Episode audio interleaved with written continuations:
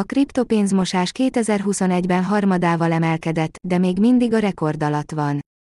A Chainalysis jelentése részletezte, hogy a kiberbűnözők hogyan mosták tisztára kriptopénzüket 2021-ben az előző évhez képest. A DeFi protokollok használata nőtt a legnagyobb mértékben ezen a téren. Egy új Chainalysis jelentésből kiderült, hogy 2021-ben 8,6 milliárd dollár értéket mostak tisztára kriptopénzeken keresztül.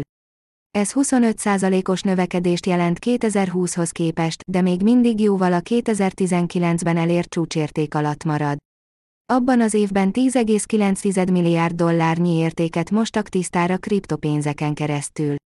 A Chainalysis becslése szerint 2017 óta összesen 33,4 milliárd dollárnyi kriptovalutát mostak tisztára. A Chainalysis rámutat, hogy a 2017 óta tisztára mosott 33,4 milliárd dollárnyi kriptopénz elhalványul, ahhoz a becslések szerint 2 billió dollárnyi fiat pénzhez képest, amelyet évente mosnak tisztára offline bűncselekményekből, például kábítószerkereskedelemből. A fiat pénzmosás összegét azonban nehezebb megbízhatóan felmérni, mint a kriptót, mivel az offline bűncselekményekben nyomon követhetetlen készpénzt használnak. A jelentés megállapítja, idézem, a legnagyobb különbség a fiát és a kriptopénz alapú pénzmosás között az, hogy a blokkláncok eredendő átláthatósága miatt könnyebben nyomon tudjuk követni, hogyan mozgatják a bűnözők a kriptopénzeket a tárcák és a szolgáltatások között, hogy pénzüket készpénzre váltsák. A kiberbiztonsági elemző szolgáltató szerint a tisztára mosott kriptovaluta értéke kriptonatív bűncselekményekből származott, amelyekben a nyereség gyakorlatilag mindig kriptovalutában, nem pedig fiat pénznemben jelentkezik.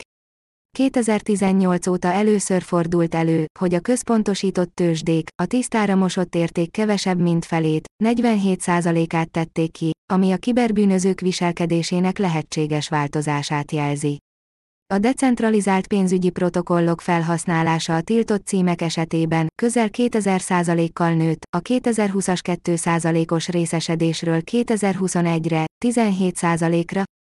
A hackerek, mint például a hírhet észak-koreaiak, akik 400 millió dollárt loptak el, erősen preferálták a DeFit, míg a csalók inkább a centralizált tőzsdéket, amit a Chainalysis a relatív kifinomultság hiányának tulajdonít.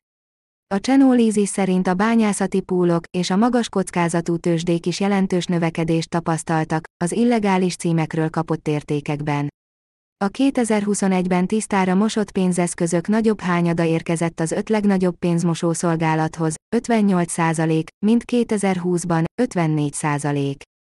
A pénzmosás általános koncentrációja azonban 2021-ben csökkent, mivel 583 címre érkezett legalább 1 millió dollár értékű befizetés, míg 2020-ban 270 ilyen címre. Eszközök szerint az altcoinoknál volt a legnagyobb a koncentráció, mivel a mosott pénz 68%-a a 20 legnagyobb, tiltott tevékenységre használt letéti címre ment. Az Ethereum következett 63%-kal, a stablecoinok 57%-kal, a bitcoin pedig messze a legkevésbé koncentrált, mindössze 19%-a ment a legnagyobb címekre.